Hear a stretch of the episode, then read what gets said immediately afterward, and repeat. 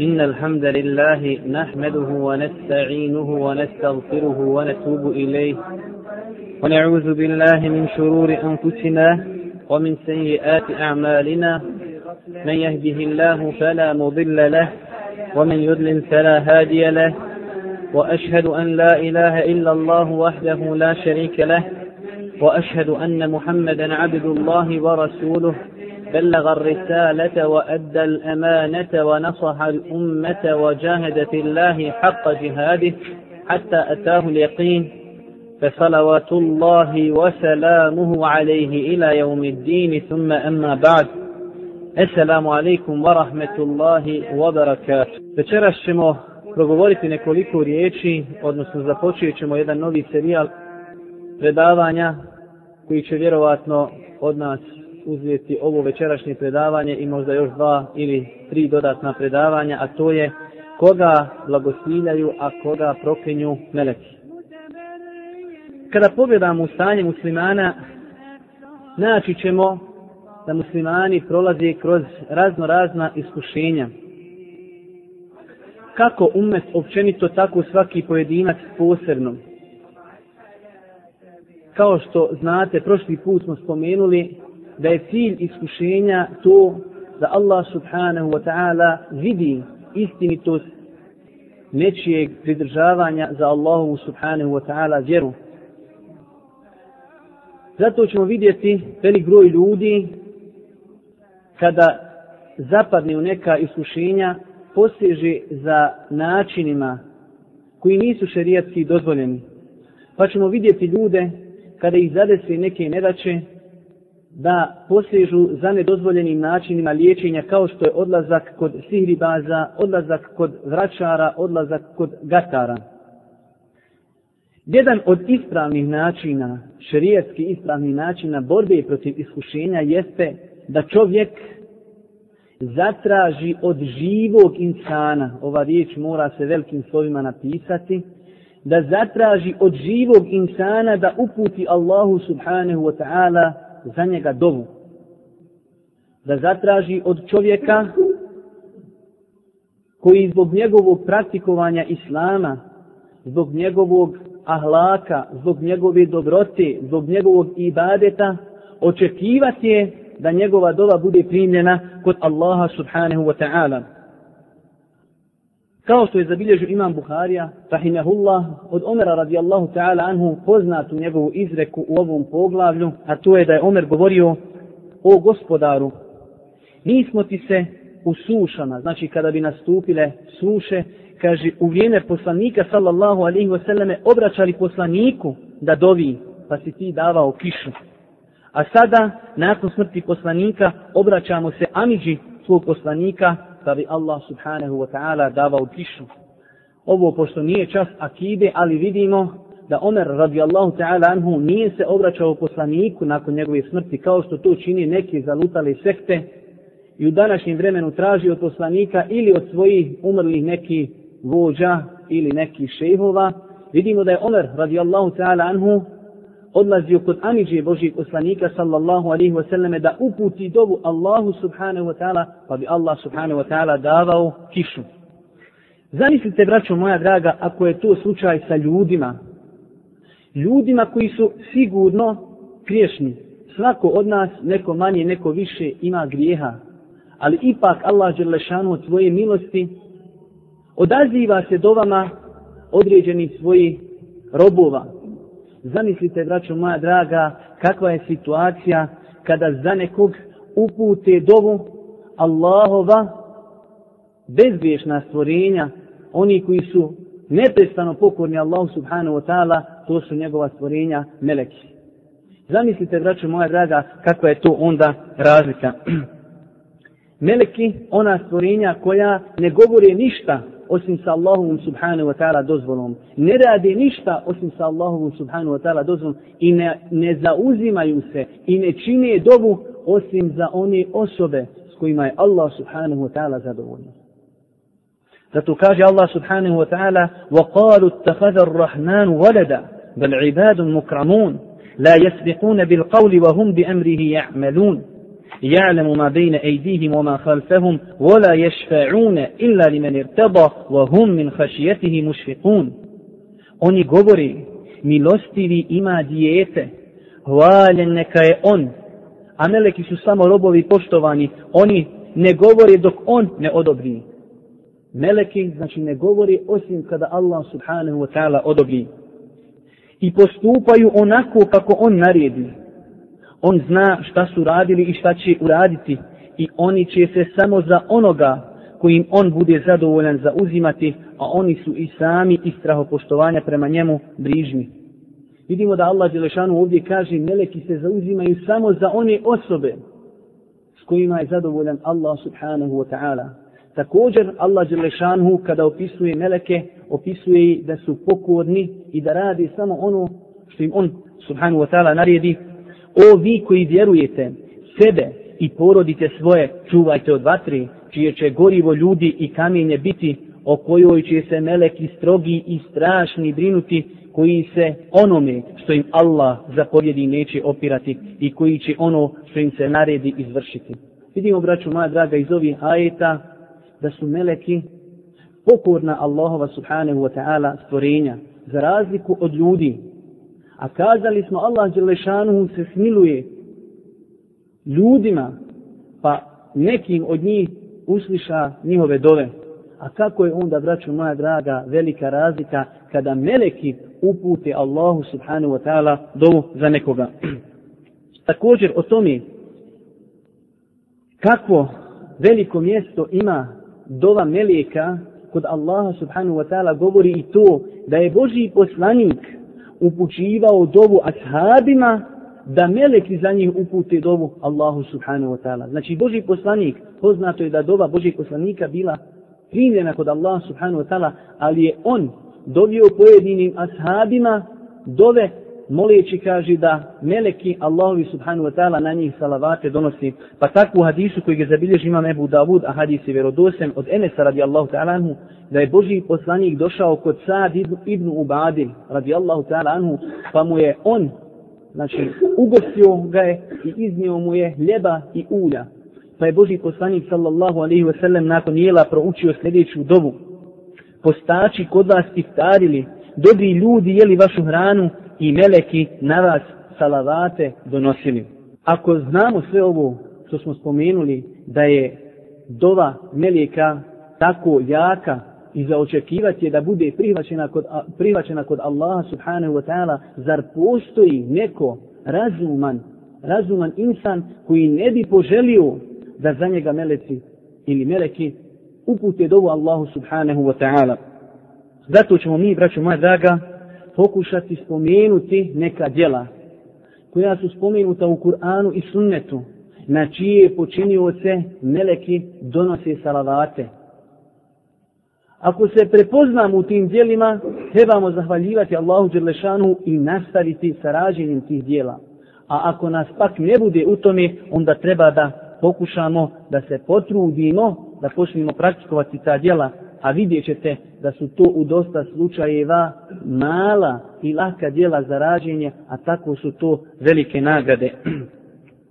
Prije nego što počnemo spominjati jedno po jedno djelo, da spominimo samo jednu bitnu stvar, a to je kako bi što bolje shvatili ovu tematiku, šta se podrazumijeva pod izrazom kada čujemo dosta puta Allah Đelešanu donosi salavat na nekog ili Allahovi meleki donosi salavat na nekog. Šta znači ovi izrazi, odnosno kako su ih protumačili islamski učenjaci?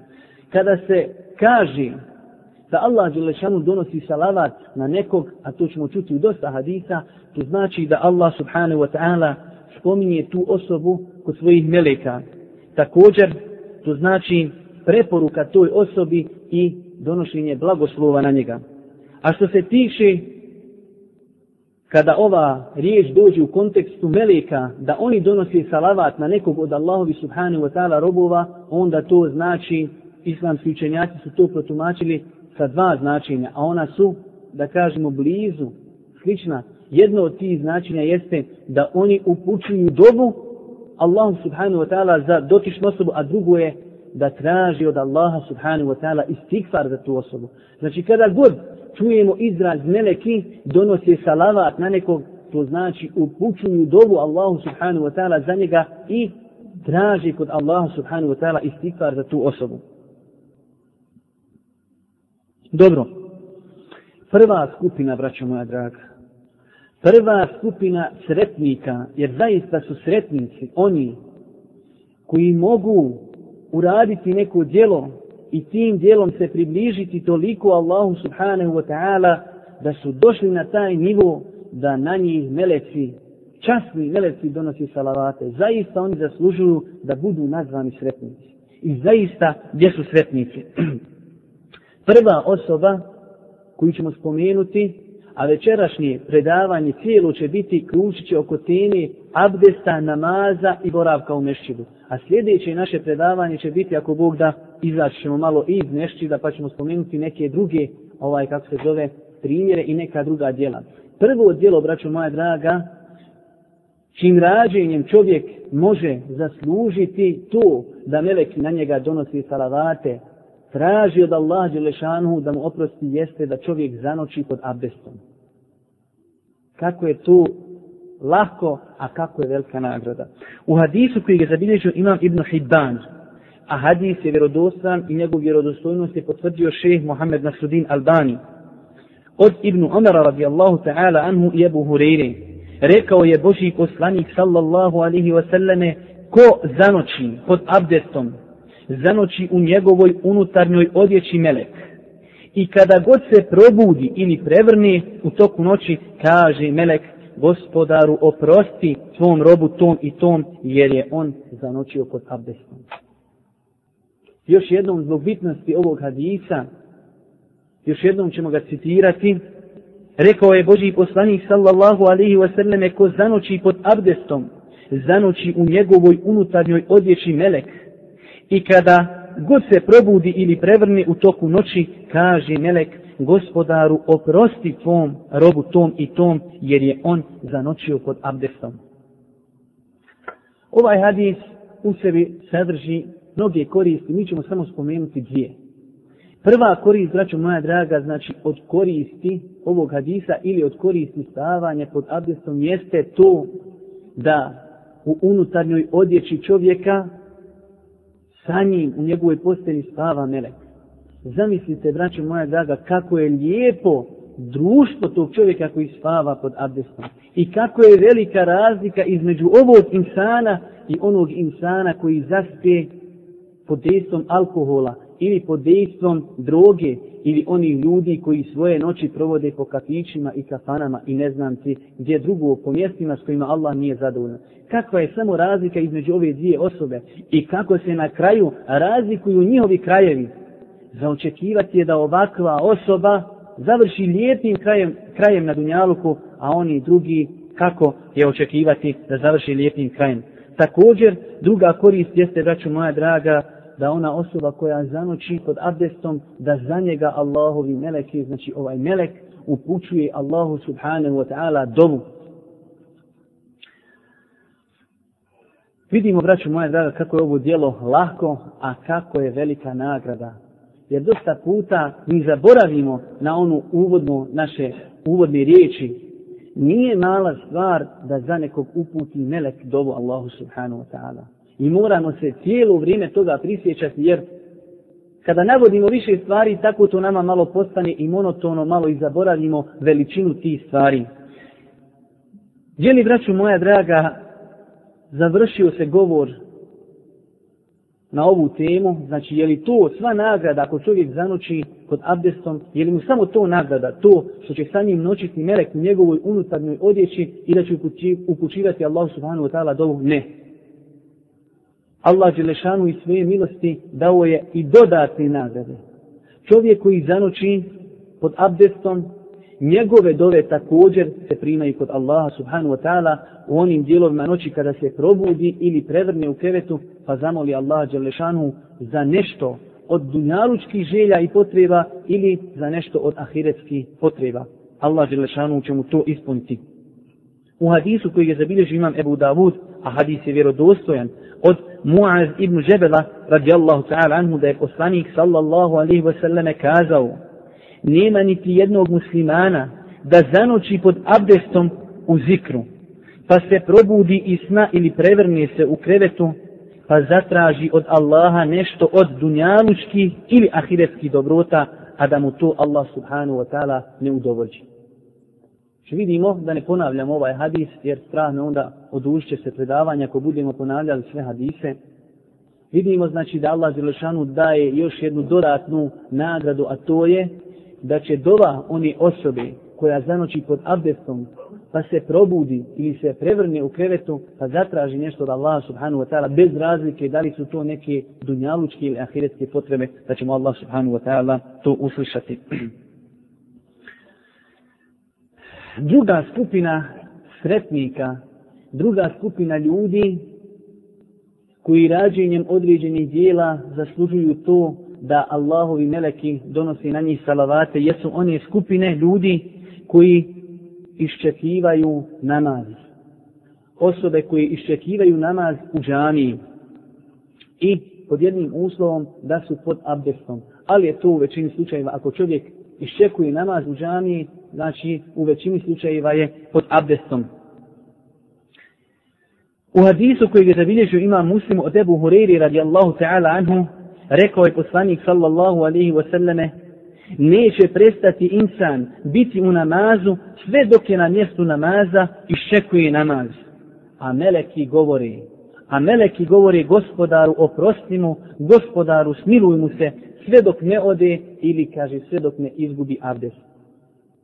Vidimo ovdje da Boži poslanik sallallahu alaihi wasallame obećava salavat meleka i njihovu dobu onim osobama koju, koje budu iščekivale namaz pod abdestom. Sve do onog momenta dok budu pod abdestom i dok budu iščekivali namaz, Allahu i subhanahu wa ta'ala meleci donose salavate na njih. Zaista vidimo i rezimiramo ponovi da sva ova djela koja ćemo spomenuti su i tekako lahka. Ali je, braćo moja draga, problem u nama. Malo je oni koji se natječu u rađenju ovih dijela. Mi se natječemo u nekim drugim stvarima. Rijetko ćemo naći nekoga ili ga zateći ili vidjeti da sjedi u džami od akšama do jacije. A to je otprilike sahat i kusur. Ali smo zato mi, velik broj nas, spremni da presjedimo pokraj televizije par sahata bez imalo znači poteškoći. Bez imalo poteškoći. Neću da govorim šta će se gledati na televiziji. Pretpostavimo da je to sve u redu što se gleda. Ali je, braćo moja draga, velika razlika između sjedenja ispred televizije i sjedenja u džaniji. A sjedenje u džaniji ima neke druge koristi koje mi ne moramo ovom prilikom spominjati. Dovoljno je spomenuti, spomenuti to da meleki Allah subhanahu wa ta'ala donosi salavat na tu osobu. Da je čovjek na tim mjestima siguran od velikog broja grijeha. Tu neće vidjeti razgoličenu ženu. Niti, niti će čuti muziku. Niti će čuti u velikom broju slučajeva gibet ili nemine. Tako bude pogotovo sam sjedio, učio Kur'an, zikrio. A ako se pridoda na to se vapi onog ibadeta koji bude radio učio Kur'an, zikrio, klanjao na filu ili nešto slično tome. Zaista je velika razlika, ali je problem u nama i problem problemi u našim srcima, u našim imanima. Mi smo u mesčidima kao riba na sluhom. Samo što prije da izletimo. Samo što prije da izletimo.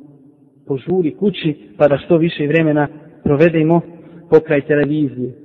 Također sjedinjem u džami čovjek ima jednu veliku blagodat, a to je da će imati priliku nakon ezana da uputi dovu Allahu subhanahu wa ta'ala. Dovu u vremenu kada se dove ne odbijaju. Kaže Boži poslanik u vjerodostojnom hadisu inne du'a la yuraddu bejnem ezani wal iqame fel, fel fed'u. Zaista kaže dova između ezana i ikameta neće biti odbijena, pa dovite. Boži poslanik preporučuje svojim sljedbenicima da upućuju dovu Allahu subhanahu wa ta'ala u periodu između ezana i kameta i kaže da dova u tom vremenu neće biti odbijena. Dobro, da ne dužimo, idemo dalje. Treća skupina Treća skupina sretnika na koje meleki Allah subhanahu wa ta'ala donosi salavate jesu oni koji klanjaju u prvim sakovima. Opet stvar usko vezana za džaniju. Zašto smo ovdje kazali u prvim safovima, nismo kazali u prvom safu? Zato što ova riječ u prvim safovima obuhvata tri stvari. Obuhvata one koji klanjaju u prvom safu. Obuhvata one koji klanjaju u drugom safu. I obuhvata one koji klanjaju u prvim safovima. U hadisu koji ga zabilježu ima Ibn Hibban, a hadis je vjerodostojan kao što je to potvrdio veliki hadijski ekspert današnjice Šuajb Arnaut. Allah ga sačuvao od Dara ibn Aziba radijallahu ta'ala anhu da je kazao Boži poslanik sallallahu alaihi ve sellem Allah, zamislite braćo moja draga, Allah Đelešanuhu i njegovi meleki donose salavat na prvi saf. Zamislite braćo moja draga kako je velika blagodat prema nama od strane Allaha subhanahu wa ta'ala što nam je dozvolio da možemo uraditi neko djelo pa da Allah Đelešanu zbog tog djela na nas donese salavat. Kako je velika Allahova subhanahu wa ta'ala blagodat prema nama. Blagol je onima koji svoje namaze obavljaju u prvom sapu. Kod nas ljudi u velikom broju slučajeva, ono jednom kad idu u džamiju sedmično, znači u velikom broju slučajeva, ono jednom kad idu u džamiju, redaju se oko vrata. Guraju se oko vrata, zašto? Zato da bi, kada imam preda selam, što brže, znači, bili među prvima kada je u pitanju izlazak iz džamije. To je ono što sam ja govorio, mi se u džamiji osjećamo kao riba na sluhom. A trebalo bi da bude suprotno. Ljudi bi trebali da se guraju u prvom safu. Kaže Boži poslanik sallallahu alaihi wasallam u vjerodostojnom hadisu, kada bi ljudi znali vrijednost ezana i prvog safa, oni bi se, kaže, natjecali do te mjeri da ne bi, kaže, mogli odrediti ko će ući u prvi saf, kaže, pa bi morali bacati kocku. Kod nas moraš bacati kocku da ljude pomjeriš od vrata gore prema prvom safu.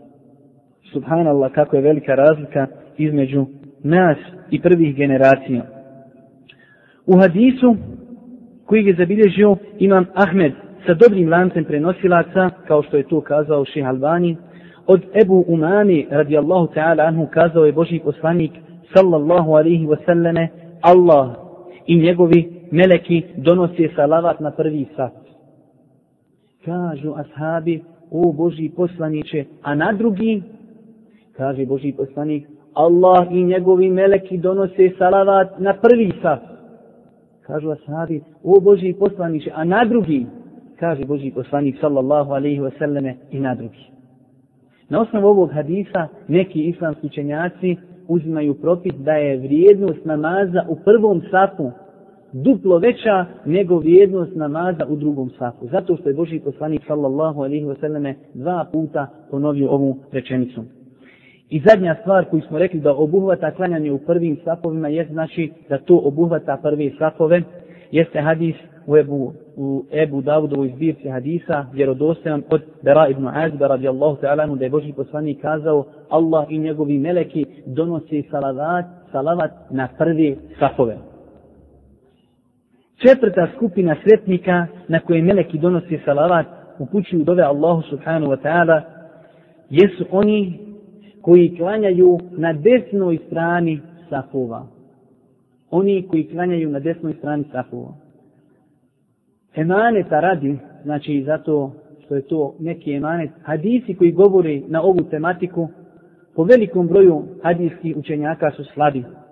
Jedan od tih učenjaka koji je smatrao hadis na ovu temu jeste Ših Albani, ali šeh Hafiz ibn Hajar, rahmetullahi alihi, smatra, smatrao je ovaj hadis dobim zbog toga ga mi ispominjemo, iako ima jedno općenito pravilo kada su u pitanju fabail, znači neke podsticaj na narađenje dobrih dijela, džumhur, većina učenjaka dozvoljava korištenje slabih hadisa u tim stvarima kada se ljudi postiču na rađenje dobrih dijela.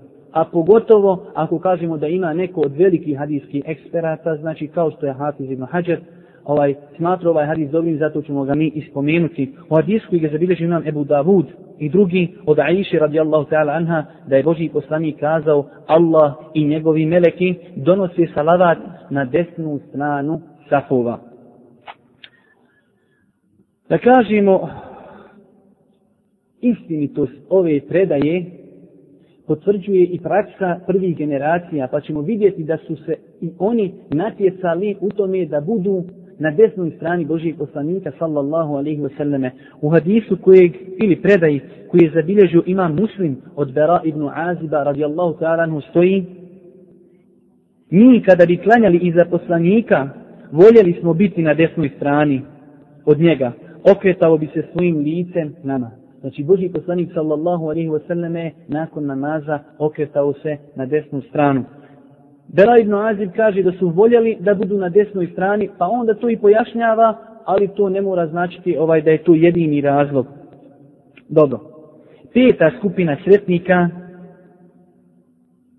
za koju Allahovi subhanahu wa ta'ala meleki upućuju dovu Allahu subhanahu wa ta'ala jesu one osobe koje upotpunjavaju safove i koje osobe koje ravnaju safove. U hadisu koji je zabilježio imam Ibn Mađe, a hadis je vjerodostojen, od Aiši radijallahu ta'ala anha, da je kazao Boži poslanik, Allah i njegovi meleki donose salavat na one koji spajaju i popunjavaju sapove. U Ibn Huzeyminoj predaji ovog hadisa stoji da je Boži poslanik sallallahu alaihi wasallame prolazio s kraja na kraj sapova, pa bi dodirivao naša ramena i prsa i govorio nemojte se razilaziti pa da se vaša srca raziđu i govorio bi Allah i njegovi meleki donosi salavat na one koji popunjavaju prvi safove. Nažalost, mi smo svjedoci da muslimani i te kako izbjegavaju ovaj sunnet, ako bi ga mogli nazvati sunnetom, pošto ima islamski učenjaka koji smatraju ravnanje safova obavezom. Ali s druge strane, braćo moja draga, u ostavljanju ovog propisa izlažimo se prijetni Božijeg poslanika sallallahu alaihi wa sallame, a to je gdje kaže Božiji poslanik letu savunine su ili ćete vi poravnati svoje sapove ili će Allah Đelešanu razjediniti vaša srca. Zar ne vidimo, braću moja draga, da smo mi i te kako izloženi ovoj da kažemo prijetni Božijeg poslanika, zar ne vidimo koliko je džanija u kojima ljudi jedni druge baš preziru, njihova srca su se razjedinila. A možda jedan od razloga je to što pozoveš čovjeka da poravna samo saf.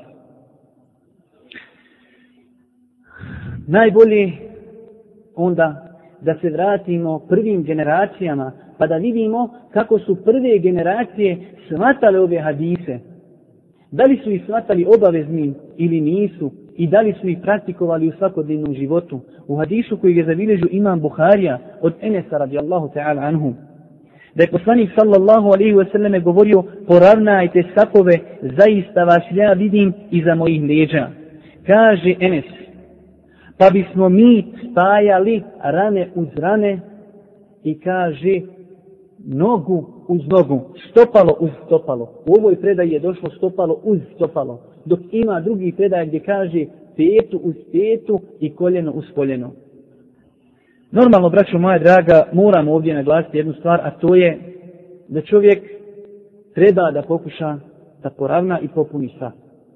Ali ne treba da idemo u drugu krajnost. Kao što ima ljudi koji bježe od te stvari kao da je ona novotarija.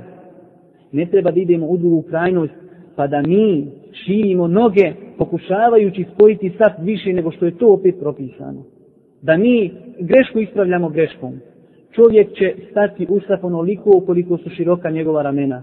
Onaj čovjek koji klanja do njega, ako želi da slijedi sunet Božijeg poslanika sallallahu alaihi wasallam, on će staviti svoju nogu do tvoje. A ako ne želi, ne treba čovjek da širi noge više od širine svojih ramena, kako to ne bi bilo razlog, kako to ne bi bio razlog unošenja smutnje i razdora među muslimane, a to nekada čovjeku zna predstaviti problem. Neko te dotjera u i ti moraš stajati nagijed zato što je se on raširio. Znači svako da stani onoliko koliko su široka njegova ramena. I zaista, braću moja draga, ovo ravnanje sapova, naročito u pojedinim ovaj džematima, je tako postala strana stvar, subhanallah, kao da čovjek poziva ljude u slijeđenje novotarije, a pozivaju sunnet Božeg poslanika. Velik broj ljudi želi u džaniji da se osjeća baš onako kako se osjeća kod kući. Da ga niko ne dodiruje kada je u namazu. Jednostavno, alergičan je na to da ga neko dodirne u namazu. A vidimo kakva je bila praksa ashaba Božih poslanika sallallahu alaihi wasallam. Da ne dužimo mnogo, idemo dalje. Šesta skupina sretnika zasigurno zaslužuju da ih svaki put nazovemo sretnicima. Šesta skupina sretnika na koje Allahovi meleki donose salavate, upućuju Allahu subhanahu wa ta'ala dove, jesu oni koji izgovaraju riječ amin nakon fatihe i njihovo izgovaranje riječi se podudari sa izgovorom, izgovorom riječi amin meleka koji aminaju na fatihu. U hadisu koji je zabilježio imam Buharija od Ebu Hureyre radijallahu ta'ala anhu da je poslanik sallallahu alaihi wasallam kazao kada imam učeći fatihu kaže gajri magdubi alihim wala dalin recite vi amin jer čije aminanje se podudari sa aminanjem meleka bit će mu oprošteni priješnji grijesi također u hadisu Buhari i muslima od Ebu Hureyre da je Boži poslanik kazao kada neko od vas kaže amin kažu meleki na nebu amin iako se kaže podudari jedno sa drugim, budu mu oprošteni grijesi. Po većini islamskih učenjaka ove riječi, znači amin, znači uslišaj Bože. Vidimo znači da meleki u ovom slučaju aminaju na učenje Fatihe, koja je zasigurno jedan vid dovi. Dobro. Sedma skupina sretnika jesu oni koji sjede na mjestu namaza nakon namaza i provode svoje vrijeme u ibadetu. Oni koji sjede na mjestu namaza i provode svoje vrijeme nakon namaza u ibadetu. U hadisu koji je zabilježio imam Ahmed od Ebu Hureyri radijallahu ta'ala anhu, da je Boži poslanik sallallahu alaihi wa sallam kazao, Meleki donosi salavat na nekog od vas, sve dok bude na mjestu na kojem je klanjao. Sve dok ne izgubi abdest, meleci govori, gospodaru oprostimo, gospodaru smiluj se. U nekim predajama ovog hadisa je došlo da to se odnosi na one osobe koje sjede nakon sabaha, a u nekim predajama nakon jacije. Ali inša Allah ispravno je mišljenje na osnovu ovog hadisa koji je općeg karaktera da čovjek može zaslužiti ovu nagradu sjedinjem znači u džani nakon svakog namaza zbog općenitosti ovog hadisa gdje se kaže meleki donosi salavat na nekog od vas sve dok bude na mjestu na kojim je klanjao ovdje se ne spominje znači ni jedan namaz dobro ovdje nam je i kako bitno spomenuti jednu stvar i dosta puta ljudi pitaju to pitanje a to je je li uslov da čovjek sjedi na istom mjestu gdje je sjedio kada je znači završio namaz ili je uslov da bi postigao ovu nagradu da sjedi u istoj džani gdje je klanjao. Pošto u arapskom jeziku kada se kaže ovi hadisi znači hi musallahu, znači da sjedi kaže na mjestu svoje musalle. To se može odnositi u arapskom na mjestu gdje on obavio namaz, a može se misliti mjesto musalli kompletan mjesečin. Pa da vidimo šta su islamski učenjaci kazali na tu temu, spomenut ćemo mišljenje ili odgovor dvojice velikih islamskih učenjaka, vama svima poznati, inša Allah. Jedan od njih se zove Hafiz ibn Hajar u svojoj knjizi Tethul Bari, a drugi hanefijski učenjak Allametu Aynin, rahmetullahi alihi, u knjizi koja se zove Umdatul Qari. Pošto im je govor, znači faktički u, razlikuje se u nekoliko slova, spomenut ćemo samo govor Hafiz ibn Hajara, kada je komentarisao one riječi gdje, gdje stoji da ona osoba koja sjedi na svome mjestu, kaže Hafiz ibn Hajar, ako bi čovjek otišao i sjeo na neko drugo mjesto u istom mjesečidu imajući konstantan nijet iščekivanja imat će spomenutu nagradu. Vidimo znači to isti ovaj govor faktički u slovo kazao je Allametu Aini. Da nije uslov da čovjek mora sjediti na istom mjestu ako želi ovu nagradu. Već je uslov da čovjek sjedi u istom mesđidu u kojem je klanjao dotični namaz. Dobro. Osma skupina sretnika za koje meleki upućuju salavate, donose dove, traži stikfar kod Allah subhanahu wa ta'ala za njih jesu oni osobe koje klanjaju sabah i jaciju u džematu. Cijelo vrijeme, braću moja draga, vrtimo se džemat, namaz i tako. U hadisu koji je zabilježio imam Ahmed ibn Huzeme, ibn Hibban i drugi hadis je vjerodostojan. Od Ebu Hureyre radijallahu ta'ala anhu da je kazao Boži poslanik sastaju se meleki noći i meleki dana na sabahu i ikindi namazu. Pa se sastanu na sabah namazu, pa se uzdižu meleki noći, a ostaju meleki dana. Pa se sastanu ponovo na ikindiji, pa ostanu meleki noći, a uzdignu se melek, meleki dana. Pa ih upita njihov gospodar, kako ste ostavili moje robove?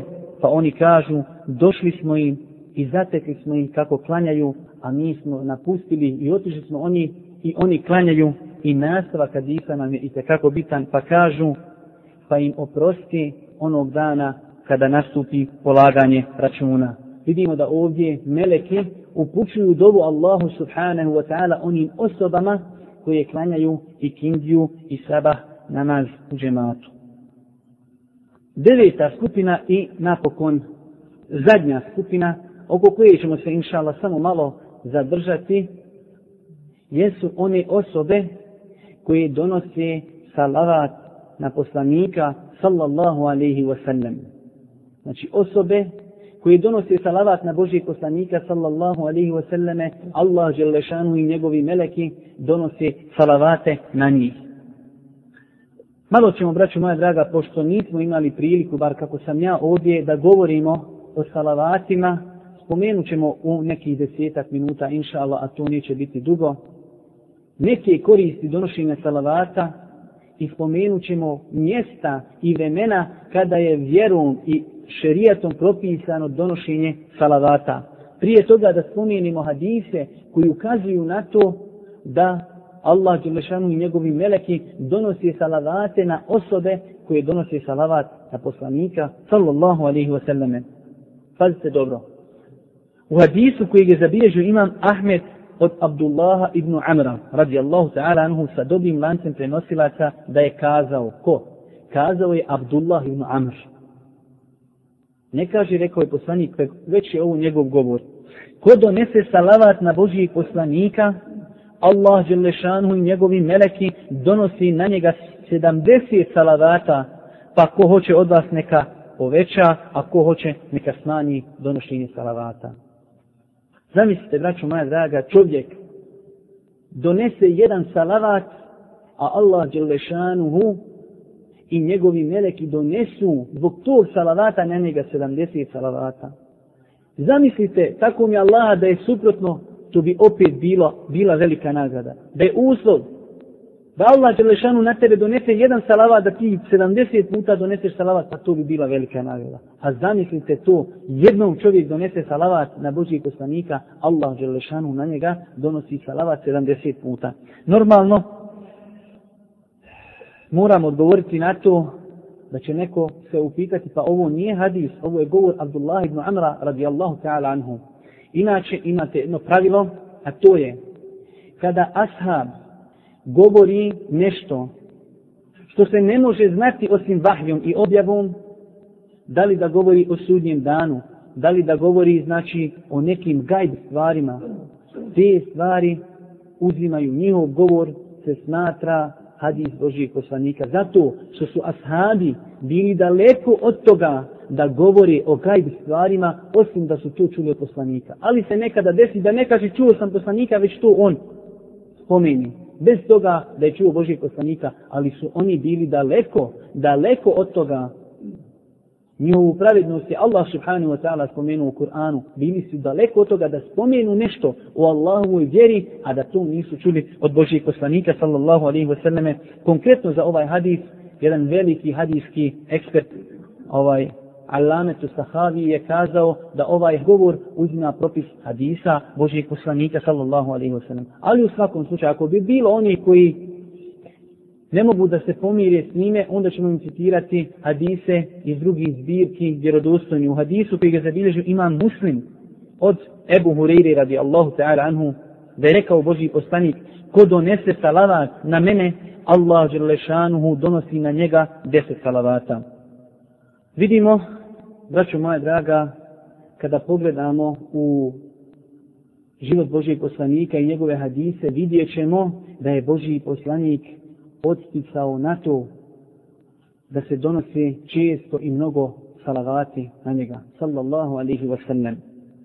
Do te mjeri da je posticao na to da ljudi ostave dovu, da zapostave dovljenje Allahu Đelešanu da donosi salavat na mjestu dove, a da će to biti razlogom da Allah Đelešanu ispuni njihove potrebe dunjalučke i ahiretske i da im oprosti grijehe. U hadisu koji ga zabilježi imam et tirmizi, a hadis je dobar, od Ubej ibn Kaaba radijallahu ta'ala anhu da je kazao o poslaniće ja često donosim salavat na tebe pa koliko da odvojim vremena u svojoj dovi koliko da odvojim vremena u svojim dovama za donošenje salavata na tebe pa mu kaže Boži poslanik sallallahu alaihi wa sallame koliko hoćeš kaže on o Boži poslaniće, je li dovoljno četvrtinu vremena? Četvrtinu vremena koje ja želim da upućujem dovu, je li to dovoljno da četvrtinu tog vremena ja posvetim donošenju salavata? Kaže Boži poslanik, kako želiš, ali ako povećaš, to je bolje. Kaže ovaj Asab, Božji poslaniće, je li dovoljno pola vremena? Pola vremena koje sam ja želio da posvetim za dovu, je li dovoljno da ja posvetim donošenju salavata na te? Kaže Božji poslanik, kako želiš, ali ako povećaš, to je bolje. Kaže Ashab, o Božji poslaniće, dvije trećine, je li to dovoljno? Kaže Božji poslanik, kako želiš, ali ako povećaš, to je bolje. Kaže, o Božji poslaniće, ja ću svo vrijeme koje sam želio posvijetiti dovi, posvijetiti donoseći salavate na tebe, pa kaže Boži poslanik sallallahu alihi wasallame, tvoje brige će biti riješene, a grijesi će ti biti oprošteni. Znači, zbog toga što si ti toliko vremena posvijetio donošenju salavata, zapostavio si svoja neka lična prava i svoja, da kažemo, potrebe, Allah Đelešanu će ti dati da će se te tvoje potrebe ispuniti i da će ti biti grijesi oprošteni. Dobro, Na kraju, braćo moja draga, ukratko da spomenimo samo neke od koristi donošenja salavata. Zbog skućenosti s vremenom nećemo ovaj citirati argumente, već ćemo samo nabrojati koristi. Nakon toga u par minuta ćemo spomenuti mjesta i vremena kada je propisano donošenje salavata na Božijeg poslanika sallallahu alaihi selleme. Znači, prvo u donošenju salavata jeste pokoravanje Allahu Đelešanu, jer Allah Đelešanu tamo u kuranskom ajetu kojeg mi često slušamo, Inna Allahe wa malaiketahu yusalluna ala nebi, ja ejuha alladina amenu sallu ali. Allah Đelešanu i njegovi meleki donosi salavate na poslanika, o vjernici, pa i vi donosite salavate. Znači to je pokornost Allahu Đelešanu onome što traži. Također, od koristi ono što smo malo prije spomenuli, da će zbog donoš, donešenog jednog salavata na poslanika Allah Đelešanu, Allah Đelešanu donijeti na tu osobu deset salavata. Također, salavat, donošenje salavata biva razlogom da čovjekova deređa se uzdigne, znači za deset deređa, da mu se upiše deset sevapa i da mu se oprosti deset grijeha. Također, za očekivati je da ona dova prije koje se prouči salavat na Božijeg poslanika sallallahu alaihi wasallame da bude primljena, a to ćemo spomenuti malo poslije. Također donošenje salavata nakon ezana, a prije učenja dove biva razlogom zasluživanja šefata Božijeg poslanika sallallahu alaihi wasallame i donošenje salavata na kraju biva razlogom čovjekove blizini od poslanika sallallahu alaihi wasallame na sudnjem danu. Ukratko, na kraju da spominjemo, braćo moja draga, mislim da ima potrebe kako bismo znali, pošto uvijek smo prisutni tim nekim donošenjima salavata, te donesi salavat ovdje, donesi salavat ondje, da znamo gdje je šerijetski opravdano i propisano donošenje salavata. Prva stvar koja je propisana po konsenzusu islamskih učenjaka, ali se razilaze, je li obavezno ili nije, ali je propisana po konsenzusu, to je na zadnjem sjedinju u namazu. Kada čovjek sjedi na zadnjem sjedinju, zadnjem sjedinju u namazu, tada je propisano nakon etahijatu proučeno da se donese salavat. Neki se razilaze kod toga je li to tada obaveza vađiv, fard ili je to sunet. Ali mi nećemo o tome govoriti. Po konsenzusu je tada ovaj propisano. Druga stvar, po nekim učenjacima, a to je konkretno šatijska pravna škola, propisano je donešenje salavata i na prvom sjedenju, nakon što čovjek prouči etahijatu, znači propisano je po njihovom mezhebu da čovjek donese i tada salavate, ali su to oni smatrali sunnetom neobaveznom. Zato ja preporučujem svakom od vas da ovu stvar ponekada praktikuje, znači zato što ovaj oni zato navode i neke argumente. Tako dosta puta me ljudi pitaju šta, učio sam salavate na prvom sjedinju, jer namaz ispravan, znači nema smjetni da čovjek ponekada namjerno prouči salavate kako bi time praktikovao taj sunnet tako Bog da. Također, primijetili ste kada se uči kunut dove, znači kako tamo u Mekke, u Medini i ovdje u Bosni, ovaj, na nekim mjestima, kada se uči dova na vitru, nakon vitra ćete primijetiti velik broj imama, kažu وَسَلِّ اللَّهُمَ عَلَى نَبِيِّنَا wa وَعَلَى alihi wa sahbihi donosi salavat na kraju dovi.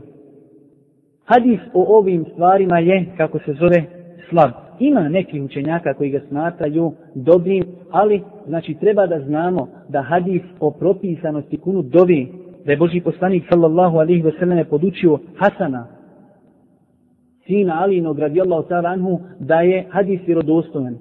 Samo ovaj dodatak na kraju, wasallillahu ala nebijina Muhammed, znači donošenje salavata, oko tog dijela hadisa i razilaženje, znači velik broj hadijskih učenjaka smatra hadis daif, ali znači ima neki učenjaka koji ga ovaj smatraju dobrim hadisom.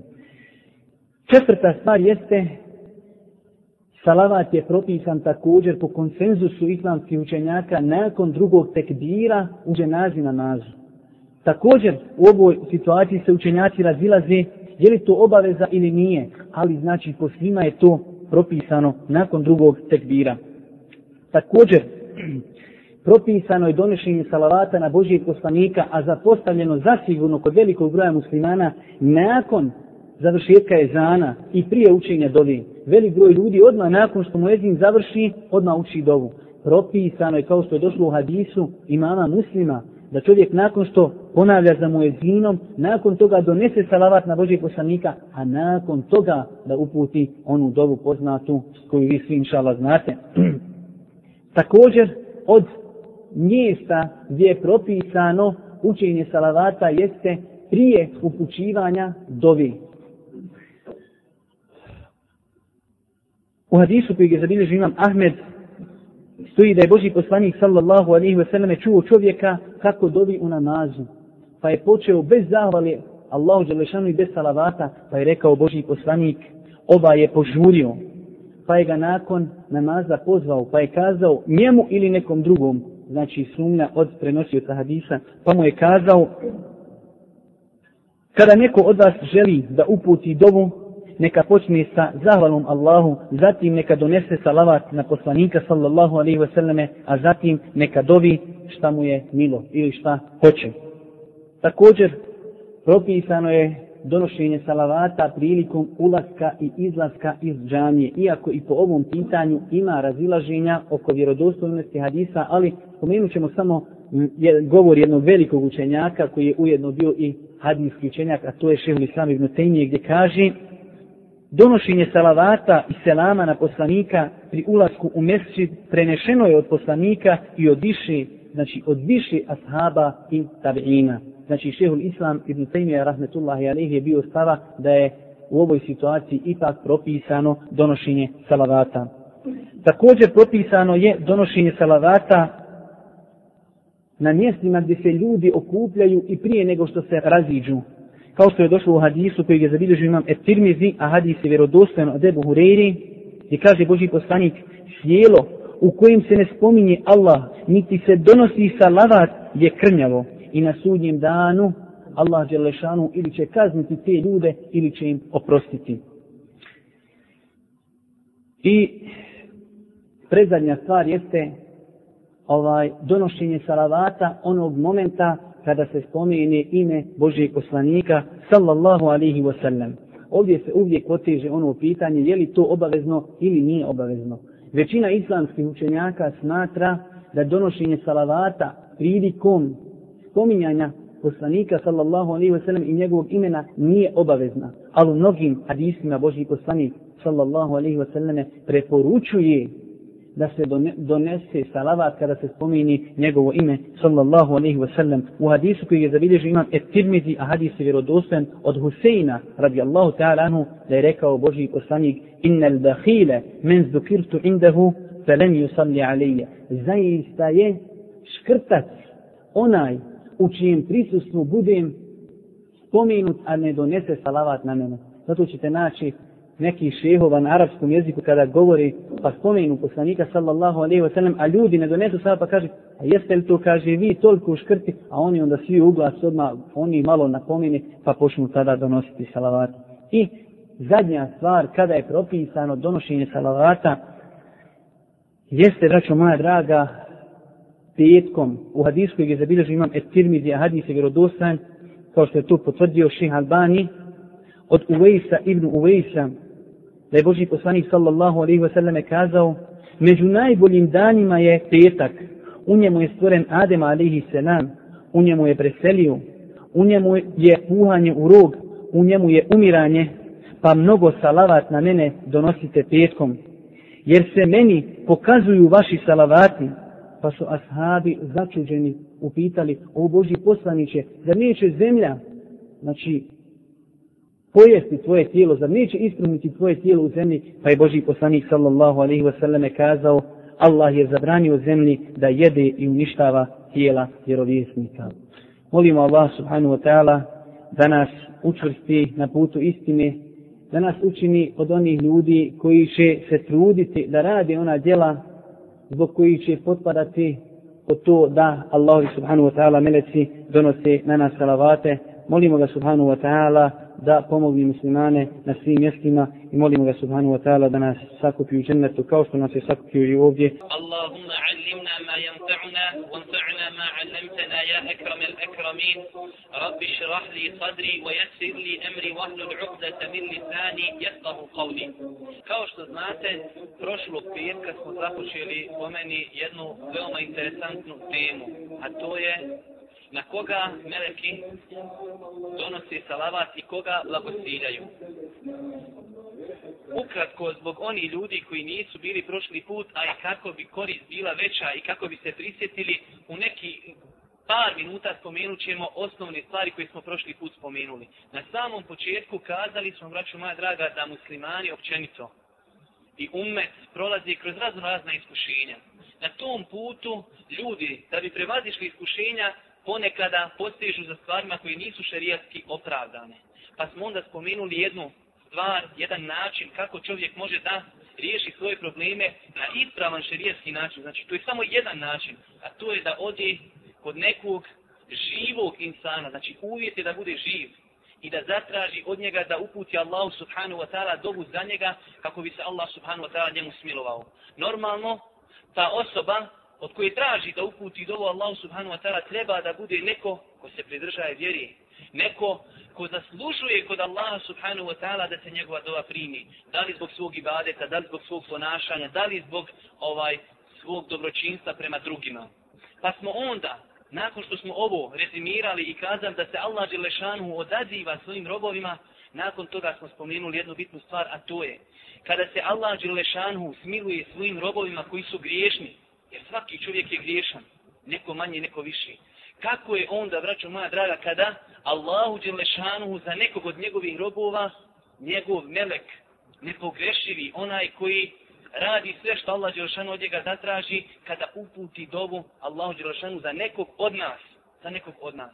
Tim povodom mi govorimo o ovi, ovoj temi. Znači, pominjemo djela koja čovjek kada uradi, to biva razlogom da meleki na njega donosi salavat. Pa smo pojasnili šta znači donošenje salavata. To znači da meleki moli Allaha Đelešanu da oprosti grijehe tom robu i upućuju Allahu Subhanahu wa ta'ala dobu za njega. Pa smo onda spomenuli devet dijela. Ja ću i sada samo spomenuti nako koristi radi zbog ljudi koji nisu prošli put bili i onda nastavljamo naše večerašnje predavanje. Prvu skupinu ljudi koji smo mi nazvali sretnici. Svaka ova grupa je sretnička grupa. I kako nije kada na njih meleki Allaha Đerlešanhu donose salavate. Pa smo kazali, prva grupa je grupa ljudi koji zanoći pod abdestom, čisti.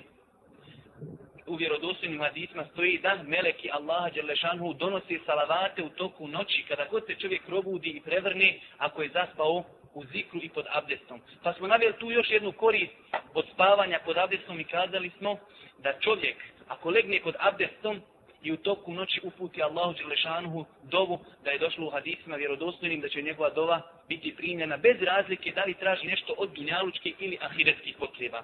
Druga skupina sretnika na koje meleki donosi salavate jesu oni ljudi koji iščekuju namaz. Znači dolaze u džamiju prije namaza i sjede i iščekuju namaz. Pa smo zato spomenuli argumente. Treća skupina jesu oni koji klanjaju u prvim sapovima pa smo kazali šta znači riječ u prvim safovima. Oni koji klanjaju u prvom safu, oni koji klanjaju u drugom safu i oni koji klanjaju u prvim safovima općenito. Četvrta grupa sretnika jesu oni koji klanjaju na desnim stranama safova. Pa smo sve, za te sve stvari smo donosili validne šarijatske argumente. Peta skupina sretnika jesu oni koji spajaju i popunjavaju safove. Šesta skupina oni koji budu u džematu kada se uči fatiha, pa meleci nakon fatihe aminaju, kažu amin, znači to je ujedno ovaj doba Allahu Đelešanu jer oni aminaju na fatihu. Sedma skupina ljudi na koji meleki donosi salavate jesu oni ljudi koji sjede u džami nakon namaza. Nakon namaza. Pa smo kazali, ljudi smo spomenuli jedan bitan detalj, a to je da nije uvjet da čovjek mora sjediti na istom mjestu. Već je pojenta da čovjek sjedi u džami u kojoj je klanjao namaz, pa smo zato spomenuli govor Hafiz ibn Hađara, rahmetullahi alihi. Osma skupina ljudi jesu oni ljudi koji klanjaju i kindiju i akšam namaz u džematu. Pa smo spomenuli također zato validne argumente. I zadnja skupina jeste skupina ljudi koji donose salavat na Božih poslanika, pa smo spomenuli validne argumente da Allah Đelešanu donosi salavate, a u drugim predajama i meleki na one osobe koji donosi salavate na poslanika, sallallahu alaihi wasallam. Pa smo se oko te tačke malo na kraju i zadržali, spomenuli smo neke koristi donošenja salavata, nećemo i ove prilike spominjati, i na kraju smo spomenuli šest, sedam ili osam situacija kada je propisano donošenje salavata. Braćo moja draga, večeras počinjemo sa desetom skupinom sretnika.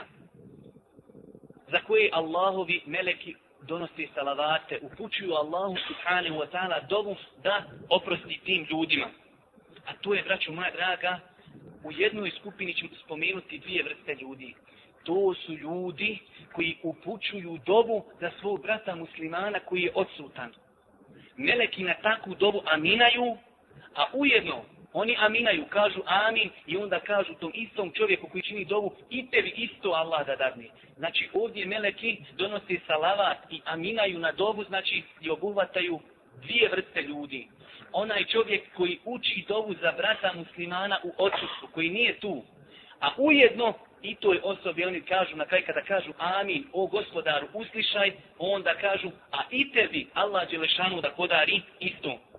Zato kažemo, braćo moja draga, kako je velika Allahova subhanahu wa ta'ala milost prema nama. Da je Allah Đelešanu samo dao to, da čovjek ako dovi za brata muslimana, da će, znači, ili jedan ili drugi, da će biti potpadati pod to da meleki ovaj, aminaju na njihovu dovu, to bi bilo dovoljno. Ali Allah Đelešanu je toliko milostiv da je dao da čovjek kada uputi dovu za brata muslimana, da meleki aminaju na njegovu dovu i kažu, a i tebi Allah Đelešanu da podari istu u hadisu, znači kao što je i običaj, za svaku stvar koju spominimo moramo donijeti validan argument.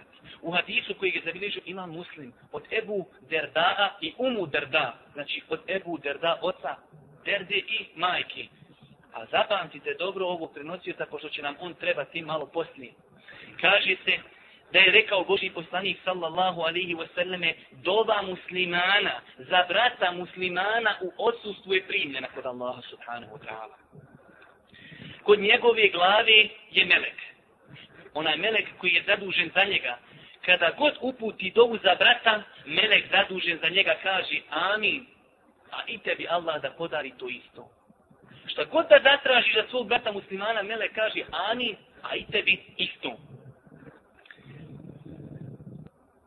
Ovdje treba pojasniti jednu bitnu stvar, a to je šta znači uputiti dovu za brata koji je u odsustvu.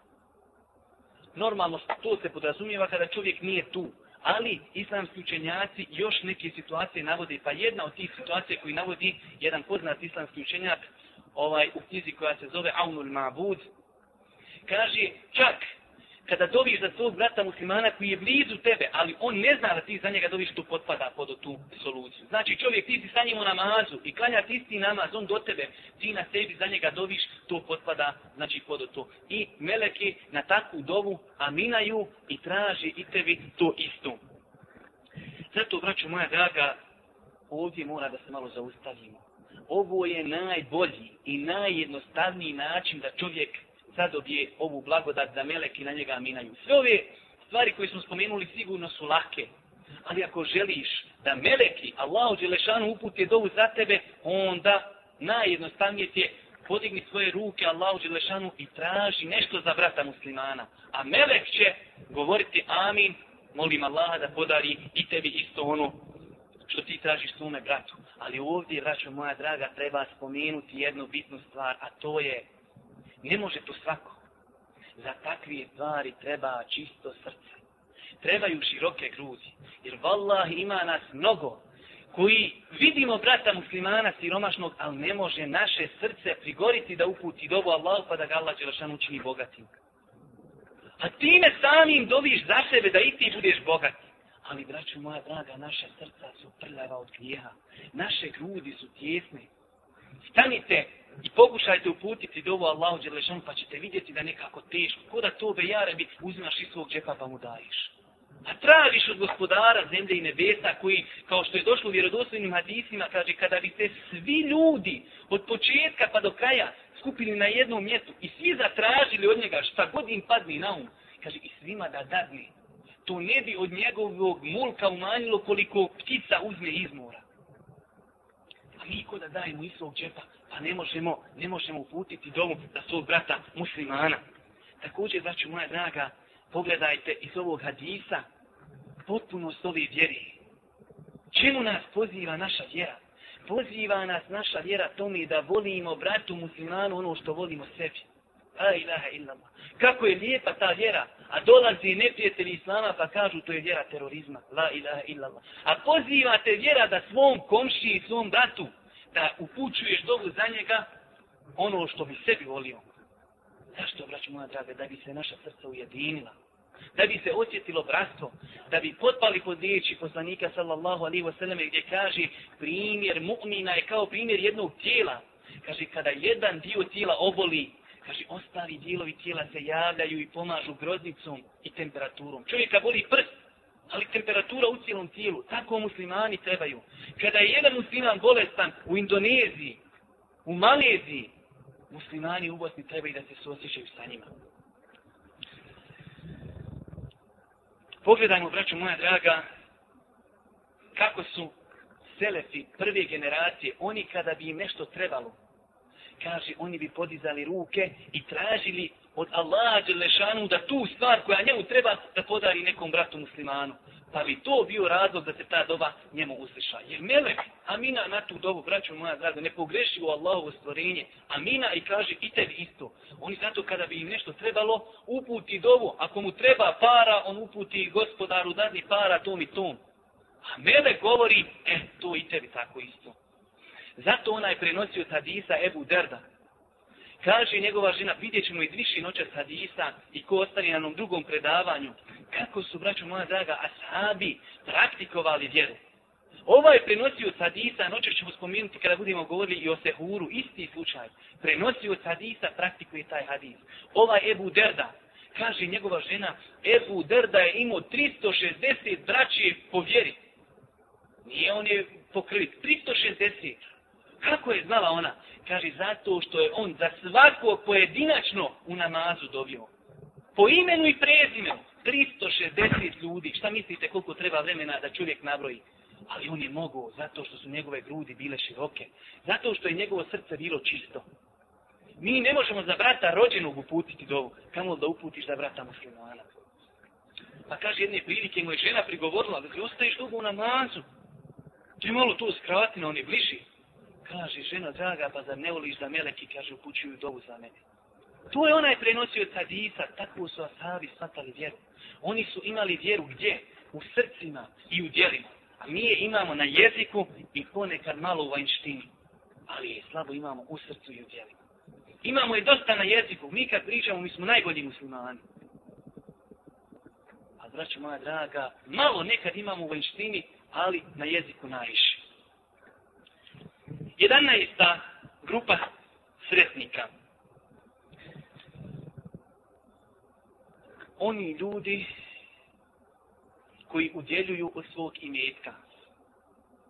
Oni ljudi koji udjeljuju od svog imetka zaslužili su da meleki Allaha subhanahu wa ta'ala upućuju dove sa njih. Suprotno tome, oni koji škrtari, meleki upućuju dove protiv njih. U hadisu koji je zabilježio imam Buharija i muslim od Ebu Hureyri, da je Boži poslanik sallallahu alaihi wa sallam kazao, u svakom danu u kojem ljudi osvanu, spuste se, kaže, dva meleka. Spuste se dva meleka. Jedan od tih meleka govori gospodaru, nadoknadi onome koji udjeljuje. Melek upućuje dovu za ono ko udjeljuje. Kaže, gospodaru, nadoknadi onome ko udjeljuje. Kaže drugi, gospodaru, umanji onome ko škrtari. Ili daj mu propast. Vidimo iz ovog hadisa, vraću moja draga, da meleki donose dovu za one ljude koji udjeljuju od svog imetka, a donosi dovu protiv onoga ko škrtari. Normalno, kada kažemo ovdje onaj ko udjeljuje imetak, to podrazumijeva svaku vrstu dobročinstva i hajra. Osim da to ne bude neko pretjerivanje, ali svaka stvar koja je halal šerijatski dozvoljena, inšala, potpada pod ovaj hadis. 12. skupina sretnika za koje meleki upućuju dobu jesu one osobe koje ustaju na sehur. Kada žele postiti, ustanu na sehur i zaposte sa sehurom. Jer ima dosta ljudi, naročito u Ramazanu, kasno jede pred spavanje i ne ustaje više na sehur.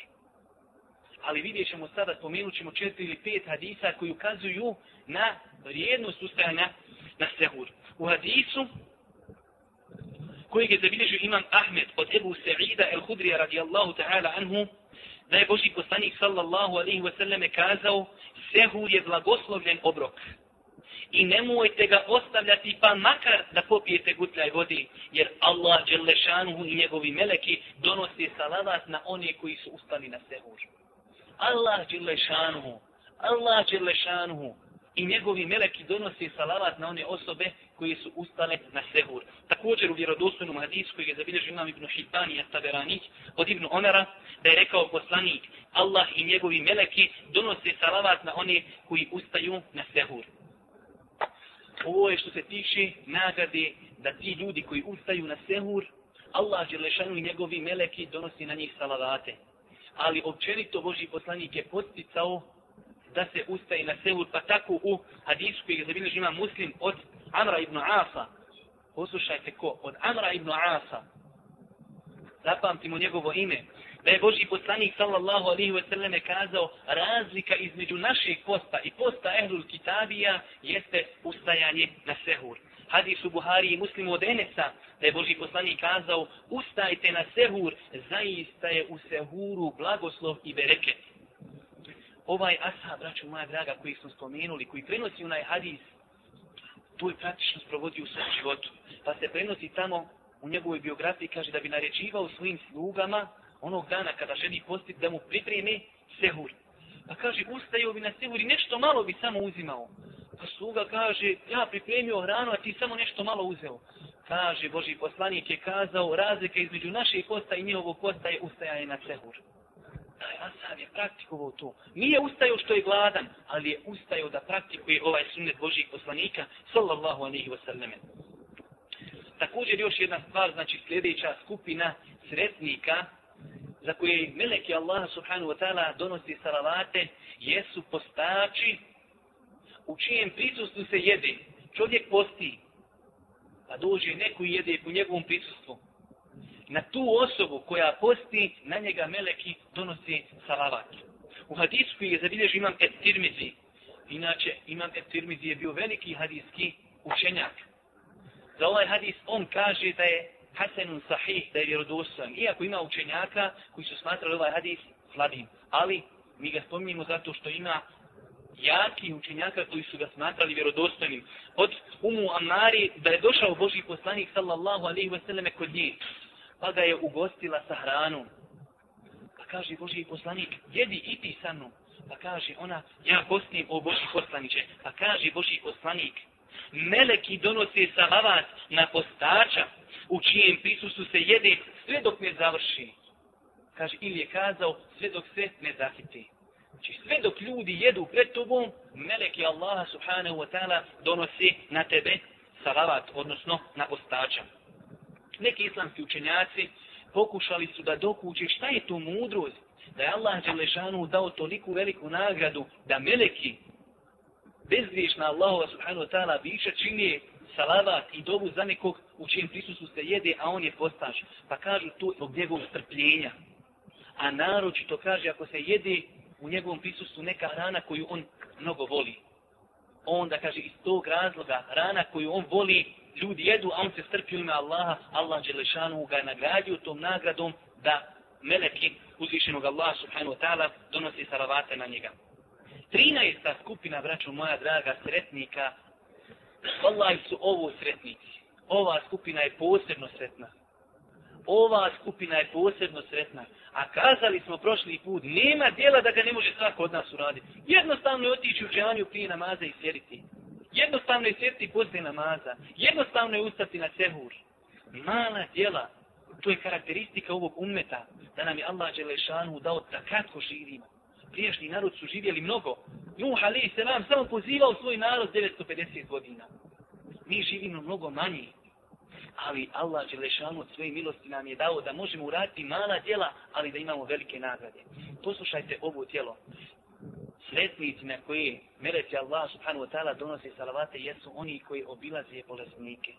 Opet neka stvar, braćo moja draga, koja poziva muslimane da se ujedini.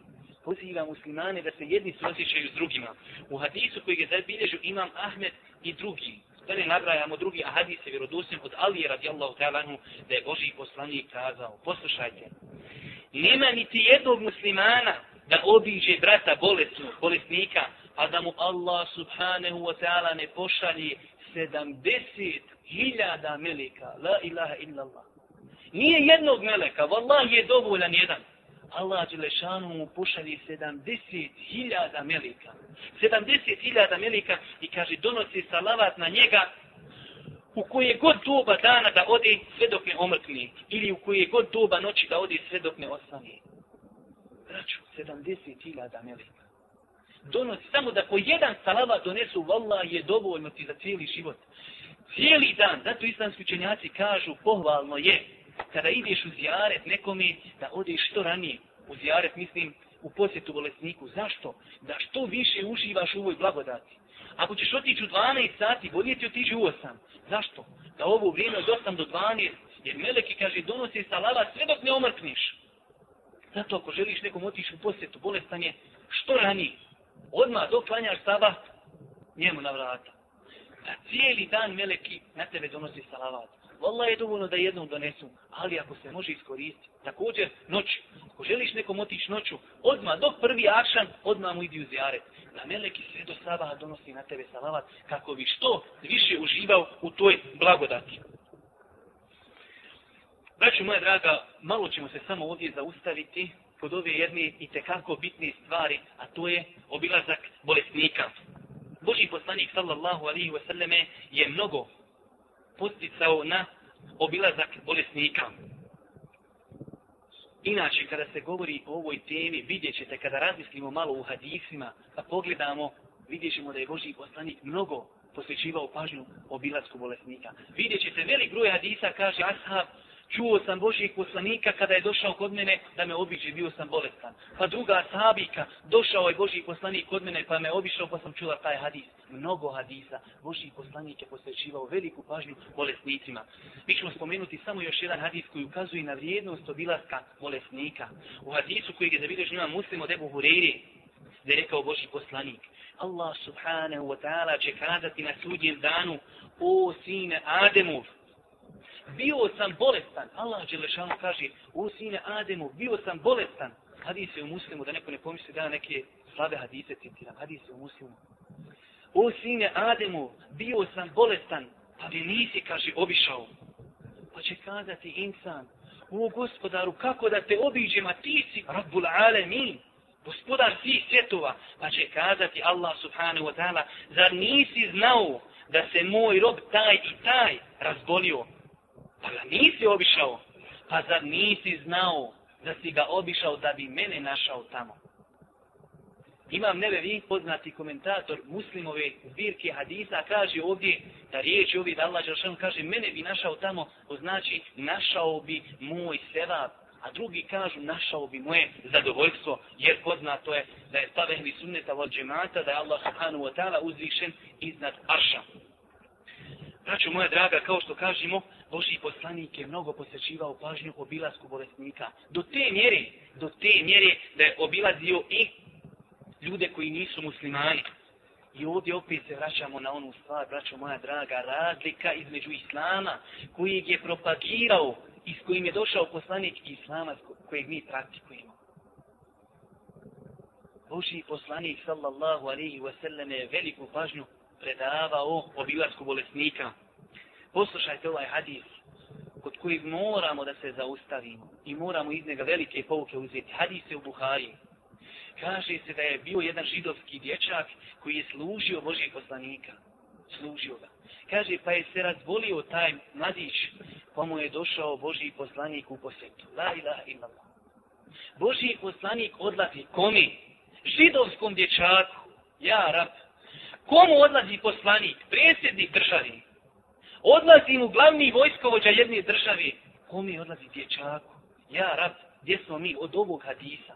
U nas prvi komšija se razboli ne možeš naći vremena, kaže komšo halali. Komšija došao iz bolnice bio mjesec dana. Pa gdje si bio kad izbio na moru? Nisam kad ja bio u bolnici, već su slijepo crijeva. Ja, rab čovjek nije ni znao da mu je komšija u bolnici.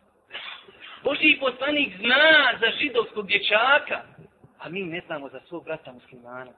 Zato kažem, tu je razlika između islama kojeg je propagirao poslanik i islama kojeg mi praktikujemo. Kaže, pa je Boži poslanik sjeo kod njegove glave pa mu je rekao, Eslim, primi islam. Kaže, pa je dječak pogledao svog oca. Kaže, otac, odazovi se Ebul Qasimu, pa je prihvatio islam, pa izašao Boži poslanik sallallahu alaihi wasallam i kaže, hvala Allahu koji ga spasio, kaže, vatri džehennemski. Braću moja draga, koliko je Boži poslanik posvećivao pažnje bolesnicima, do te mjeri da nije zaboravljao djecu. I to koju djecu?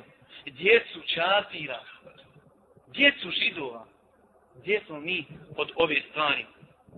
Možemo ovdje usput spomenuti nekoliko stvari koje su vezane za obilazak bolesnika. Čovjek kada ode kod bolesnika, treba da bolesnika razveseli, da unese u njega optimizam, treba da ga podsjeti na to da je bolest razlog brisanja grijeha.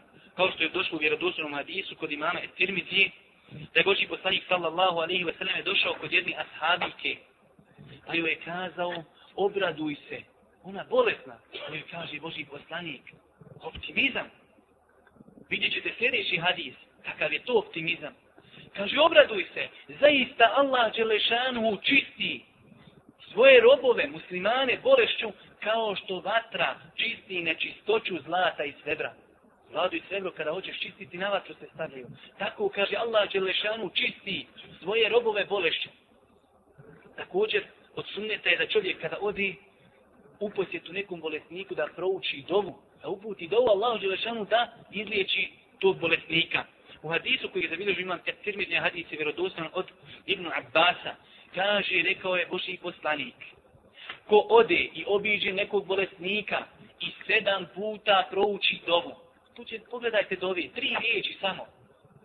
Kaže, ko obiđe bolesnika, ovdje je napomena, Boži poslanik je ovu napomenu stavio, onog bolesnika, kaže, kome nisu nastupile smrtne muke. Znači, čovjek bolestan, ali nije toliko da su nastupile smrtne muke. Kaže, kod njega prouči ovu dovu sedam puta, Allah će ga izliječiti. Kaže, Es'elullahe l'azim, rabbel arši l'azim, en ješfijeke. Molim Allaha uzvišenog gospodara, arša uzvišenog da te izliječi. Samo tri riječi. Molim Allaha uzvišenog gospodara Arša uzvišenog da te izliječi. To ponoviš sedam puta i ako Bog da, on je ozdravio. To je ovaj od adaba koji bi čovjek trebao da pazi na njih kada obi, ovaj, obilazi nekog bolesnika. 14. skupina na koju Meleke Allah subhanahu wa ta'ala donosi salavate, a ona je usko vezana za ovu prijašnju skupinu, a to je da Meleki aminaju na dovu koja se govori kod bolesnika ili kod osobe koja je preminula ili preselila. Znači zato čovjek, kao što je preporučio Boži poslanik, kada odi nekome u posjetu zijare, znači bolesniku ili kada već neko je preselio, tada treba govoriti lijepe stvari, jer meleki tada aminaju na te dove. U hadisu koji je zabilježio ima muslim i drugi od umu Selemi, da je poslanik kazao, kada obiđete bolesnika ili preminulog, govorite lijepe stvari, jer meleki aminaju na ono što govorite. I zadnja stvar, braćo moja draga, u hadisu koji je zabilježio imam Esirmidni hadis vjerodostan od Ebu Umami el Bahilija. Poslušajte, braćo, ovaj hadis. Wallahi, wallahi, zaista krupne stvari i krupne nagrade. Kaže poslanik sallallahu alihi wasallame jedne prilike u njegovom prisustvu su spomenuti pobožnjak i učenjak. Nešto su ljudi spominjali pobožnjake i učenjake. A kaže Boži poslanik sallallahu alihi wasallame vrijednost učenjaka nad pobožnjakom. Nije nad običnim narodom, braću. pobožnjak, to je čovjek koji je na, na pasteki non stop klanja, zikri. Vrijednost učenjaka nad pobožnjakom je kao, kaže, vrijednost mene u odnosu na jednog od vas. Pa nastavlja Boži poslanik Ovo dobro zapamte, kaže, zaista Allah Đelešanu, Allah Đelešanu i njegovi meleki, stanovnici zemlje i nebesa, stanovnici zemlje i nebesa, pa čak, kaže, i mrav u svojoj nastambi, pa čak i ribe u vodi. Što mislite koje su ribe? Pa čak i ribe u vodi donosi, kaže, salavate na one osobe koje podučavaju narod hajru. Tako jednostavno, ja, rab, podučavaš narod, svoju ženu, svoju djecu, svoj komšiluk, pozivaš ih u hajr, a tolika velika nagrada, Allah Čelešanu, njegovi meleki, stanovnici zemlje i nebesa, mravi, ja, rab, i mravi, ribe u vodi, donosi salavate na tebe, zato što podučaješ druge ljude, hajru. Zato, braću moja draga, u ovim vremenima pogotovo, prisutno je da velik broj ljudi ne poštuje islamsku ulemu, ne poštuje učenjake, ne daje im njihova prava.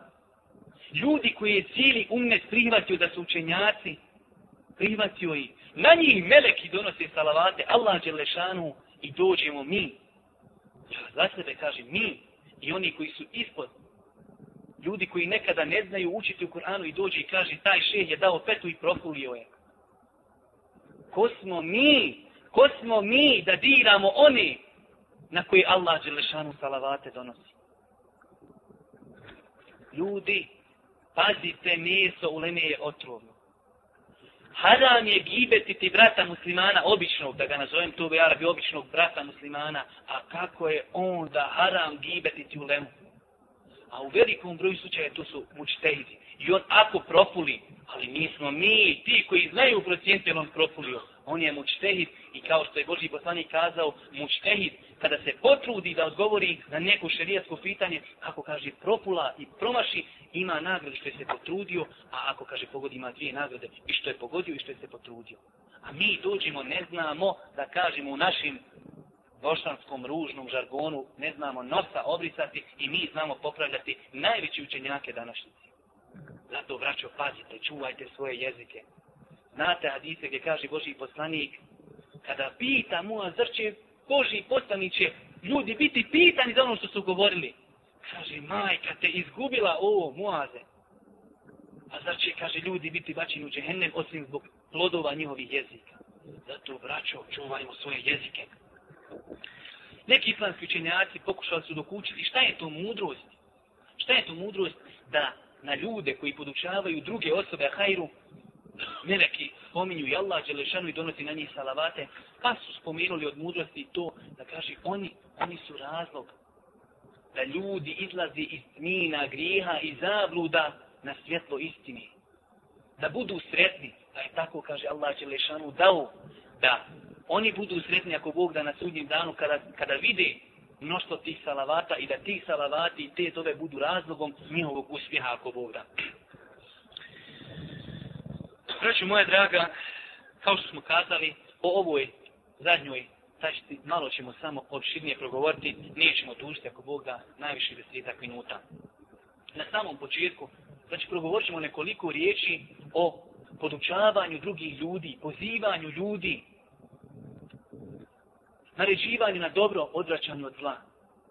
Zato kažemo na samom početku, primjetno je, braćo moja draga, i smijem kazati da svi mi, svi mi, neko manje, neko više, ali generalno svi smo zakazali u ovom polju. Svi smo zakazali kada je u pitanju podučavanje ljudi hajru.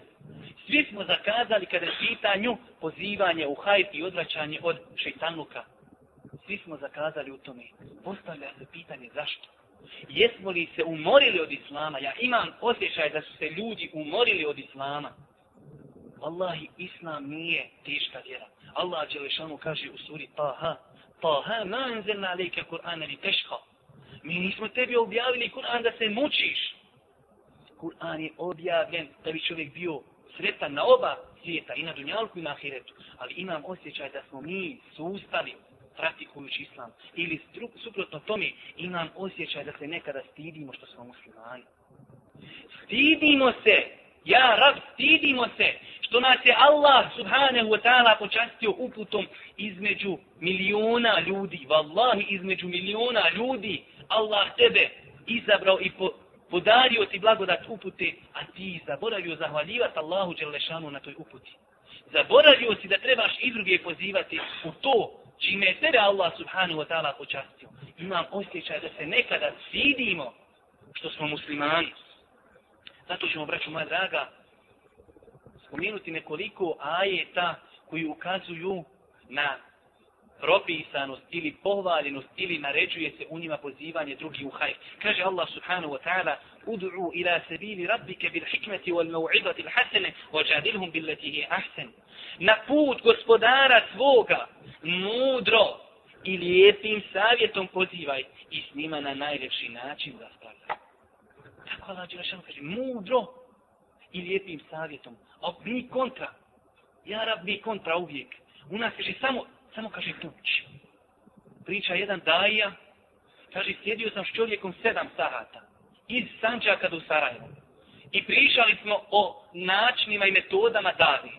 I kaže, mene usta zabolila. Allah mi čovjek kaže, usta me zabolila, govori. Kaže, on izlazi u Sarajevo, kaže, sve je to u redu, ali kaže, samo narod treba tući. Samo udarat. Kaže, smo mi gubali narod, kaže, narod je slušao. Sad, kaj, kad smo prestali tuhat, kaže, niko ne sluša Jedan hadis dajis mi donesi gdje je Boži postanik nekog udario. Dajis. Gdje ćemo sahih, uopšte, kad nema.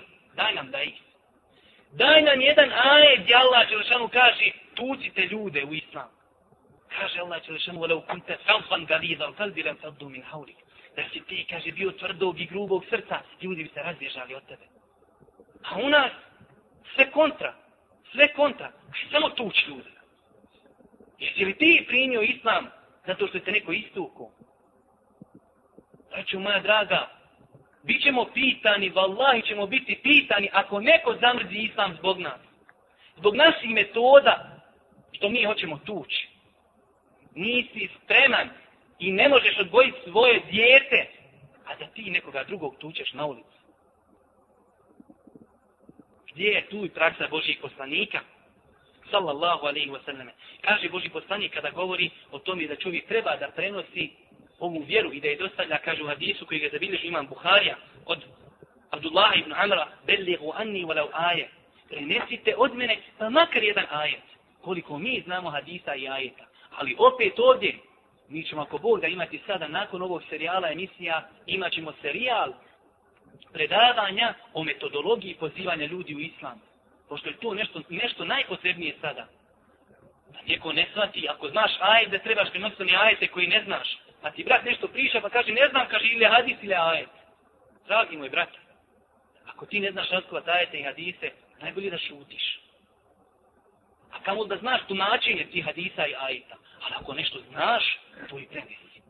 Ali pošto je rekao narod, nemoj srljati pred rudu. Ruda hoće ošiniti. Ne vilja ići pred rudu. Ali ono u granicama može. Zato, braću moja draga, treba da budemo ponosni na ovu vjeru. To je staza kojom su išli svi prijašnji poslanici i naš poslanik. To je staza kojom su išli svi prijašnji poslanici. I čast ići tom stazom. Ne treba čovjek da se iznenadi ako ga ljudi prozovu vehabija. Ja se prvi ne slažem s tim imenom, ali me to ne iznenažuje. Poslanik je bio El Emin prije nego što je primio objavu. Pa kada je primio objavu, odmah preko noći kaže ti si sahib, ti si čarobnjak, ti si mađoničar, ti si pjesnik, ti si luđak. Kada je on, el emin, mogao trpiti, što mi ne možemo trpiti? Je li nas neko šamario? Je li nam neko bacio drog od deve na leđa? Ništa. Je li nas neko istuko da naša krv teče na Allahovom putu? Normalno, da ne shvate oni opet s druge strane, idemo lupa tamo narod, pa neki nas neko izlupa, pa ne možemo kazati ovo je u ime Allaha. Boži, Boži poslanik išao u Tajif, pa su ga kamenovali. Njegova krv mu barek je tekla na Allahu subhanahu wa ta'ala putu. Zato treba da žrtvujemo nešto na Allahu subhanahu wa ta'ala putu. Zato sve su ove stvari nedvosmisleno ukazuju na bitnost pozivanja u Allahu subhanahu wa ta'ala vjeru. A pomislite sada kada još na to pridodamo neke kuranske ajete i neke hadise. Poslušajte govor Allah Želšanu gdje kaže وَمَنْ أَحْسَنُ قَوْلًا ممن دعا الى الله وعمل صالحا وقال انني من المسلمين a ko govori ljepši od onoga ko poziva Allahu, ko dobra djela čini i ko govori ja sam musliman. Značenje ajeta, inače ova znači, Arabi to kažu siga, znači ovaj način izražavanja, ko ljepši govori, tumačenje ajete, niko ne govori ljepši od onoga ko potiva u Allahu subhanahu wa ta'ala vjeru. A za nije čast potpast pod značenje ovog kuranskog ajeta. Poslušajte hadis Božijeg poslanika. La ilaha illallah. Mi svi znamo ovaj hadis. Ja sam ubijeđen, svi ga znamo. Ali je pitanje koliko ga praktikujemo i koliko smo ubijeđeni u taj hadis. Kaže Boži poslanik u hadis koji je zabilježu Buharija i Muslim, ali radijallahu Allahu ta'ala kaže da Allah Đelešanu tvojim sebebom uputi jednog insana bolje ti je od bogatstva crvenih djeva. Arapi su imali običaj kada ti nešto želi kazati vrijedno, vrijedno, kaže to ti je vrijednije nego bogatstvo crvenih djeva. Kod njih crvene djeve to je najveće bogatstvo. Također od koristi pozivanja ljudi u islam jeste da je to razlog brisanja griha. Kaže Boži poslanik sallallahu alaihi wa sallam u vjerodosnom hadisu Buhari i muslima koji prenosi Huzeyfe radijallahu ta'ala anhu da je Boži poslanik kazao iskušenja koja zade se insana u porodici i metku ili komšiluku, kaže, brišu se namazom, sadakom i navraćanjem na dobro i odvraćanje, odvraćanje od zla. Znači, grijezi se brišu, braćo moja draga, pozivanjem ljudi u hajdu. Kolika je šteta i kakve štete proizilaze kada se zapostavi pozivanje ljudi u islam. Spomenut ćemo tri štete i time ćemo ako Bog da završiti.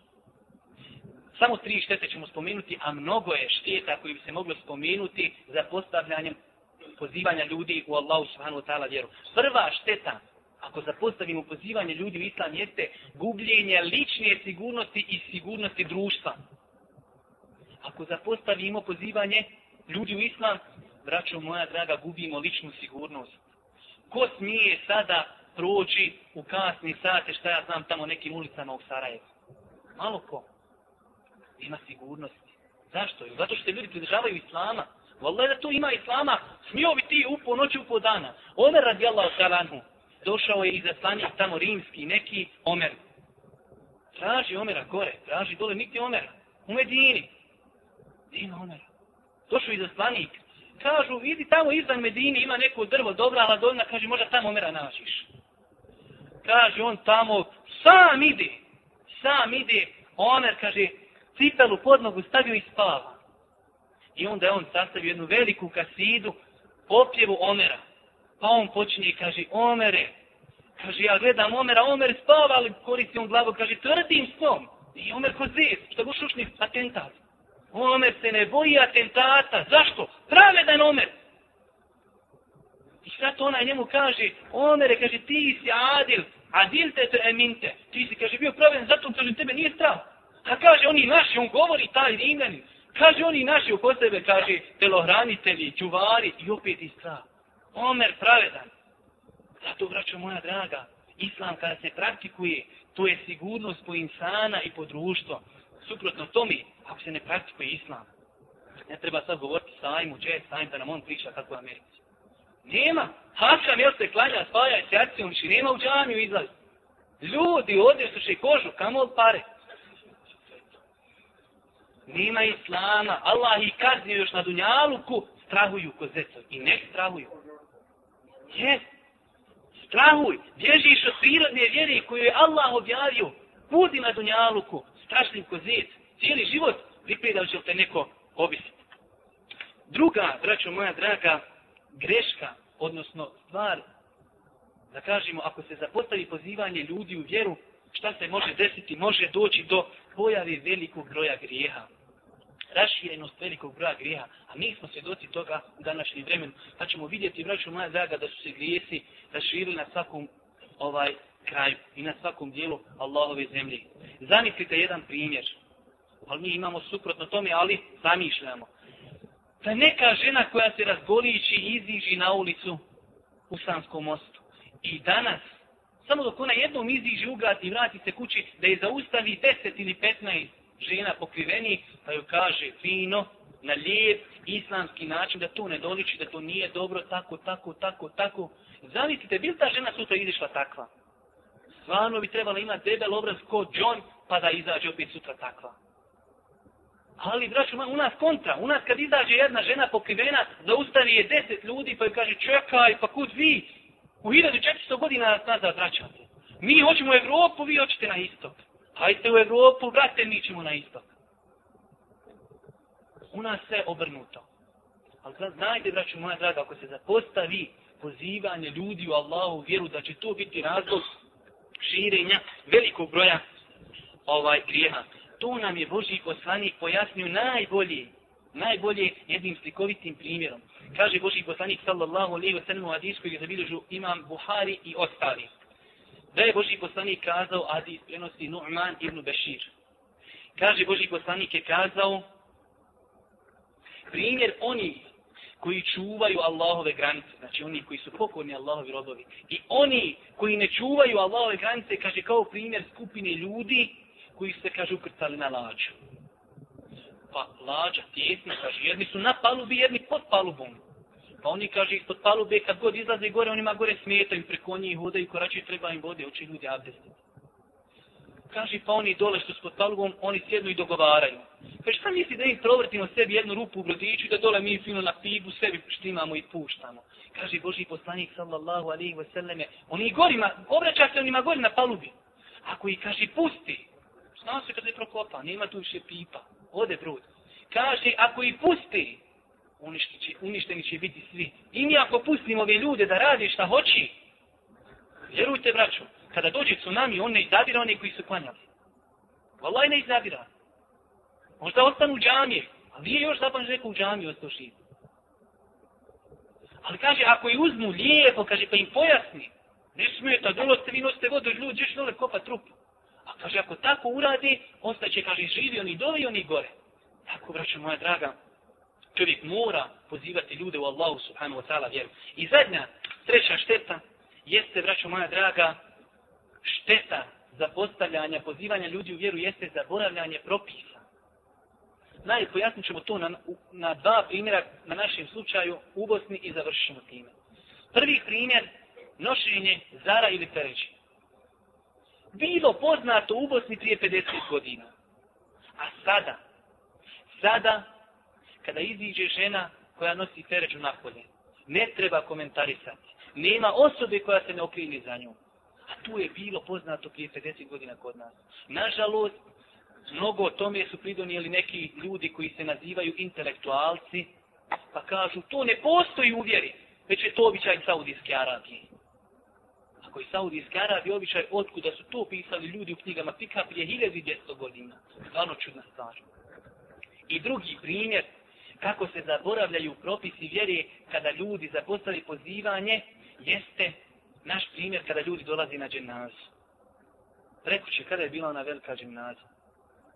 70% ljudi je bilo na pođu. Došao čovjek klanja dženazu, a ne klanja podni namaz. Ja rad, kako je to razumijevanje vjeri. I on ko bajaki došao klanja dženazu. Pa bolam da si samo sekundu pustio šeitan u uzde, da te ne buda gdje hoće, a razmislio, tobe, ja radi, sutra će se imeni ovako klanjati. I ti stojiš sa ekipom tu, bilo je prekući, znači možda sto ljudi u haremu i čekaju oni dok mi izađemo spodne, pa će oni sa nama klanjati nas. Braću moja draga, i mi ćemo biti pitani za te ljude. Nemojte misliti da nećemo. To je greška, neminovno da je greška, ali i mi ćemo biti pitani, što i nismo pozvali. Molim Allah, Đelešanu, da nas uputi na pravi put. Molimo ga subhanu wa ta'ala da nas učusti ovim teškim vremenima. Molimo ga subhanu wa ta'ala